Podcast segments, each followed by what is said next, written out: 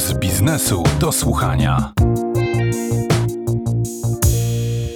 Marta poleciła Państwu kilka nowych seriali, ale przyznała, że sama obecnie spędza dużo czasu na oglądaniu produkcji z lat 90.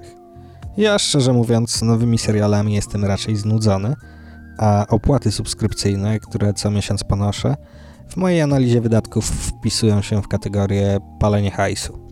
Nie oceniam jednak, nie krytykuję i do oglądania seriali zachęcam.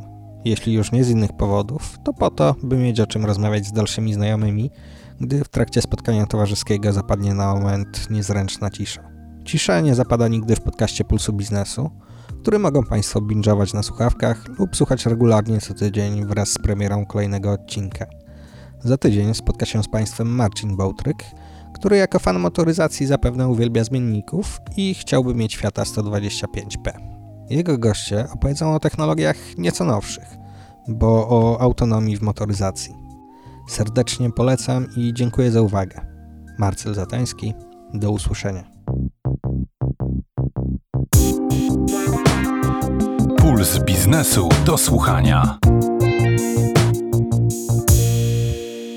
Na program zapraszał sponsor bank BNP Paribas, oferujący produkty i usługi dla przedsiębiorstw i korporacji.